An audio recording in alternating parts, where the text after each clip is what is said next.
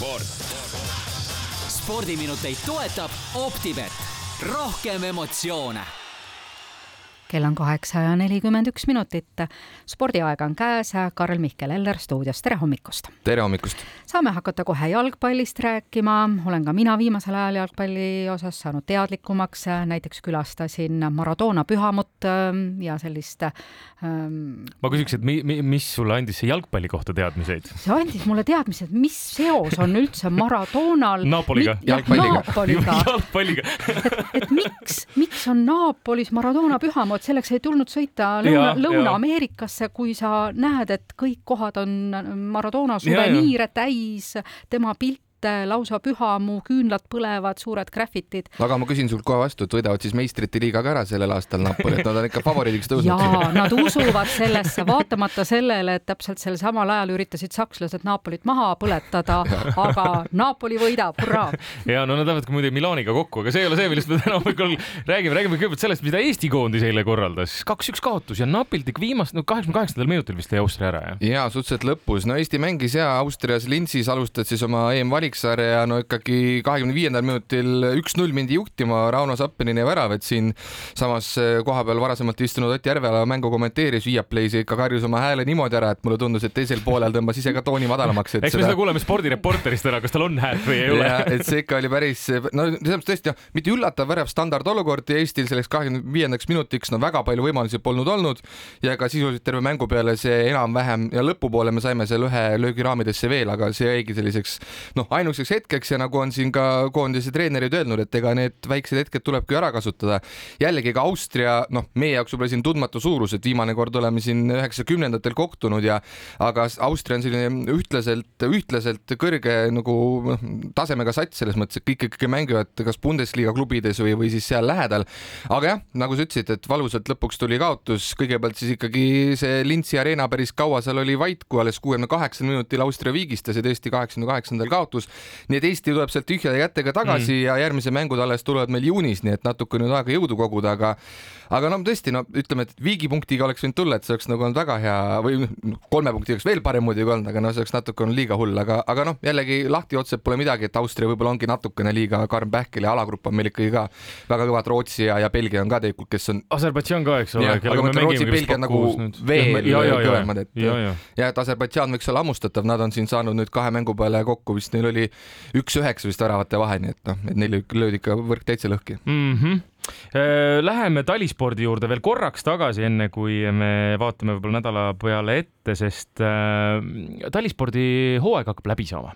möödunud nädalavahetusel minu meelest oli lahtisi, oli murdmaasuusa hooaeg lõppes, lahtisi oli viimased MK-etapid, aga no meil oli põhjust rõõmustada, hooaja lõpus Kristjan Ilves läks ikka väga heasse vormi ju. lõpp on ilus olnud eh?. ja, et isegi tegelikult ju tõmmatigi lahtisi joon alla mm, -hmm. et äh, Kristjan Ilves kokkuvõttes MK-sarjas äh, viies koht ja võttis kaks poodiumi kohta ka lahtist, nii et tõesti väga tõusvas joones ja, ja no eks, eks jällegi tekitab selle nälga ka Kristjanil veel, et ütleb ka, et need kaks norrakat, kes ettepoole jäävad, et nad on tugevamad mhm. veel mm, veel, et, veel. No, et vaatame, mis saab, et, et, et hüppemäel on Kristjan omad asjad nüüd ikkagi ära teinud selle hooaja teises pooles ja suusarajal on niikuinii areng olnud, et aga jälle, kui sa vaatad seda, kus on juurde panna, siis on selge, et ikkagi suusarajal on, on võimalik veel natukene ilmselt juurde panna, aga noh, vaatame, kuidas see füüsis ja kõik ka vastu peab, aga nagu me teame, nende sama kahe norralasega ta ju koos treenib mm -hmm. ka, nii et, et vaatame, kuidas see läheb ja iluuisk loomulikult ka, hea tulemus Eestil ikkagi. no väga hea tulemus, ajalooline tulemus, võiks -hmm. öelda Niina Petrõkinalt MM-il Jaapanis naiste üksiksõidus kokkuvõttes üheksas koht, sada üheksakümmend kolm koma nelikümmend üheksa punkti ja noh,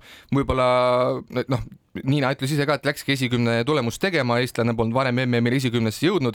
esikümne tulemus iluuisutamises tähendab tiitlivõistlustel seda, et järgmisel MM-il saab panna kaks Eesti naist nii-öelda välja, mis on ka esmakordne siis MM-il Eestil. aga no natuke valus on võib-olla see, et null koma kuus punkti jäi tal puudu kaheksandast kohast ja kui spordirahastus teada, siis kaheksas koht MM-il tähendaks EOK poolset nagu rahastust juba, et sellest jäi napilt ilma, aga jällegi, eks EOK vahest on ka teinud erandeid ja kui on mm. näha ikkagi, et tegemist on talendiga, kes võiks olümpiamängudel midagi teha, siis kindlasti hätta ta ei jää palume erandit no aga saali minnes, mis meil kodumaal toimub? no võrkpall vist käib, eks ole? võrkpall käib meil, võrkpallis on asjad niimoodi, et meil juba homme siin läheb finaalseeria edasi Tartu Bigbanki ja Selver TalTechi vahel ja kes võrkpalliga nüüd nii kursis ei ole, siis Tartu Bigbank ikkagi on see klubi, kes sellel hooajal on võitnud sisuliselt kõik, mis võtta annab ja on ka valitsev Eesti meister ja vastamisi Selver TalTechiga ollakse ja pühapäeval toimus esimene mäng Tartu kodus, aga mille võitis Tallinna klubi.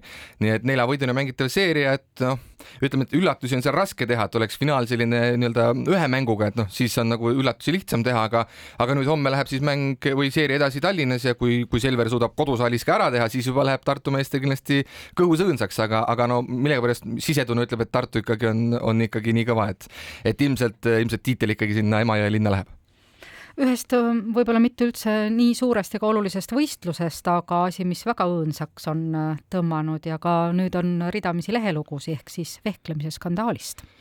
Jah, see toimus siin meil samas Eestis ja nädalavahetusel selline noorte vehklemisvõistlus toimus ja tõesti korraliku skandaaliga just nimelt seetõttu, et siin ka olümpiavõitja Irina Embrich, kes on nüüd siis ka treeneriametit pidamas, üks tema õpilastest vehkles siis nii-öelda Vene trikolooris vehklemismaskiga ja selline pilt läks siis nii-öelda sotsiaalmeedias levima, eks siis kui leheartiklid tulid, oli see pilt juba läinud, et endal oma silmaga polegi õnnestunud seda näha, aga see selleks. asjaosalised ütlesid, et see on nagu välja puhutud skandaal, et noh, tegelikult nagu otsest probleemi nagu polegi, et need on tegelikult ju lihtsalt kolm värvi enam-vähem, et no sportlase meeldib sellega võistelda, ta on kaheteistkümne aastane, et võib-olla ta endale ei adugi, et mis see kõik täpselt tähendab.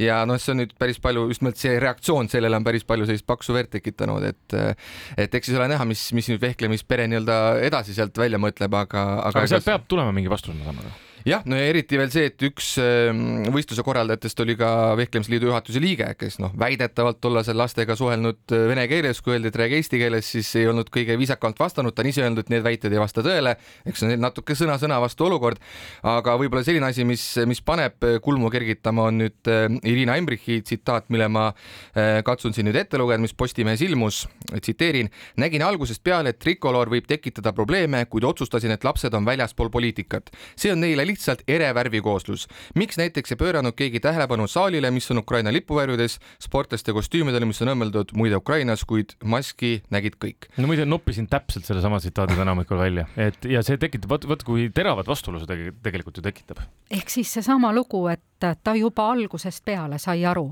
et see ei ole hea mõte tegelikult. ja, ja no ja ikka lasi kõigil juhtuda. ja kui meil on põhimõtteliselt seal ju Ukrainas, mida Venemaa ründab, käimas ju õige pea sõja neljasajas mm -hmm. päev, et no siis see peaks ju enam-vähem kõigil ju kohale jõudnud olema, mida see värvikombinatsioon tähendab, et aga no jällegi nüüd nopiti see jälle välja, ehk siis nüüd tuli see õppetund sedapuhku valusamalt. jah, ja kui lihtne oleks olnud seda kõike ära hoida, et äh, lihtsalt pane neutraalsed värvimaskid ja, ja nii on ja kui veel kord ma tulen selle juurde, et kui Riina Embrich ütleb, et lastele lihtsalt meeldiv, meeldivad äh, nii-öelda värvilised maskid pane siis kõik Eesti lipu värvides, jah, et, et kui ja kui need nii väga meeldivad, miks ei oleks võinud see tüdruk võistelda siis selle värviga? no vot, nagu jällegi noh, me jõuamegi sinna kohta, et õnneks või võib-olla just siis kahjuks oli see, et see oli see noortevõistlus, noh, et mm. võib-olla vaadatakse natuke, pigistatakse silm kinni, et noh, aga jällegi, et noh, jällegi ma usun, et nüüd oli see õppetund valus, aga, aga nüüd see vähemasti on loodetavasti õpitud ja, ja sealt minnakse nüüd nii-öelda edasi. no ehk peaks hakkama tootma laste jaoks lihtsalt värvilisi maske.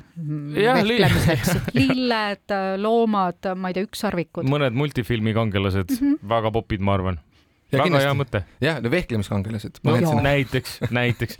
aga kui ma lõpetuseks küsiks su käest veel, noh, võrkpallile sa pöörasid tähelepanu jälgida sel nädalal, mis siin nädala keskpaigas võiks veel olla, millele tähelepanu pöörata, ehk siis mida võiks kodus tele televiisorist vaadata? ja ma isegi soovitaksin kindlasti saali minna, sellepärast et homme on äh, Kalev Cramol siin noh, meist mitte kaugel Tondiraba siis jäähallis, küll korvpalliplats on sinna nüüd peale pandud, et hakatakse mängima seda Europe-Cupi poolfinaali mm -hmm. Prantsusmaa klubi Cholet vastu ja no saalis veel vabu istekohti on, just vaatasin siin eile, et kindlasti kellel on võimalus siis minna, aga, aga peab kiirustama, et isegi see saal tundub, et ikkagi, ikkagi müüakse välja, Kalevi spordihallis pole küsimus, siis Tondirabaga läheb ka. kes seal soosik võib olla?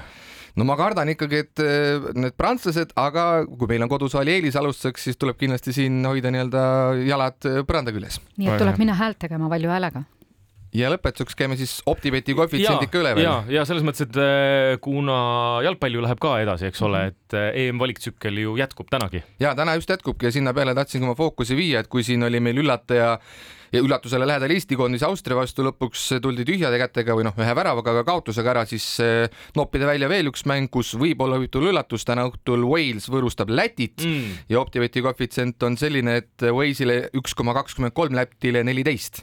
nii et eh, see on suhteliselt eh, ka, aga ma, ma kujutan ette enam-vähem Eesti-Austria puhul oli see enam-vähem midagi sarnast mm. selles mõttes, võib-olla natuke oli võrdsem.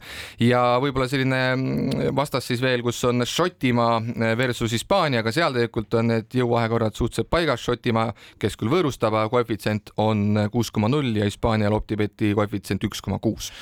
on mida jälgida, aitäh, Karl-Mihkel Eller täna hommikul meile külla tulemast ja reedel taas. sport. spordiminuteid toetab OpTibet, rohkem emotsioone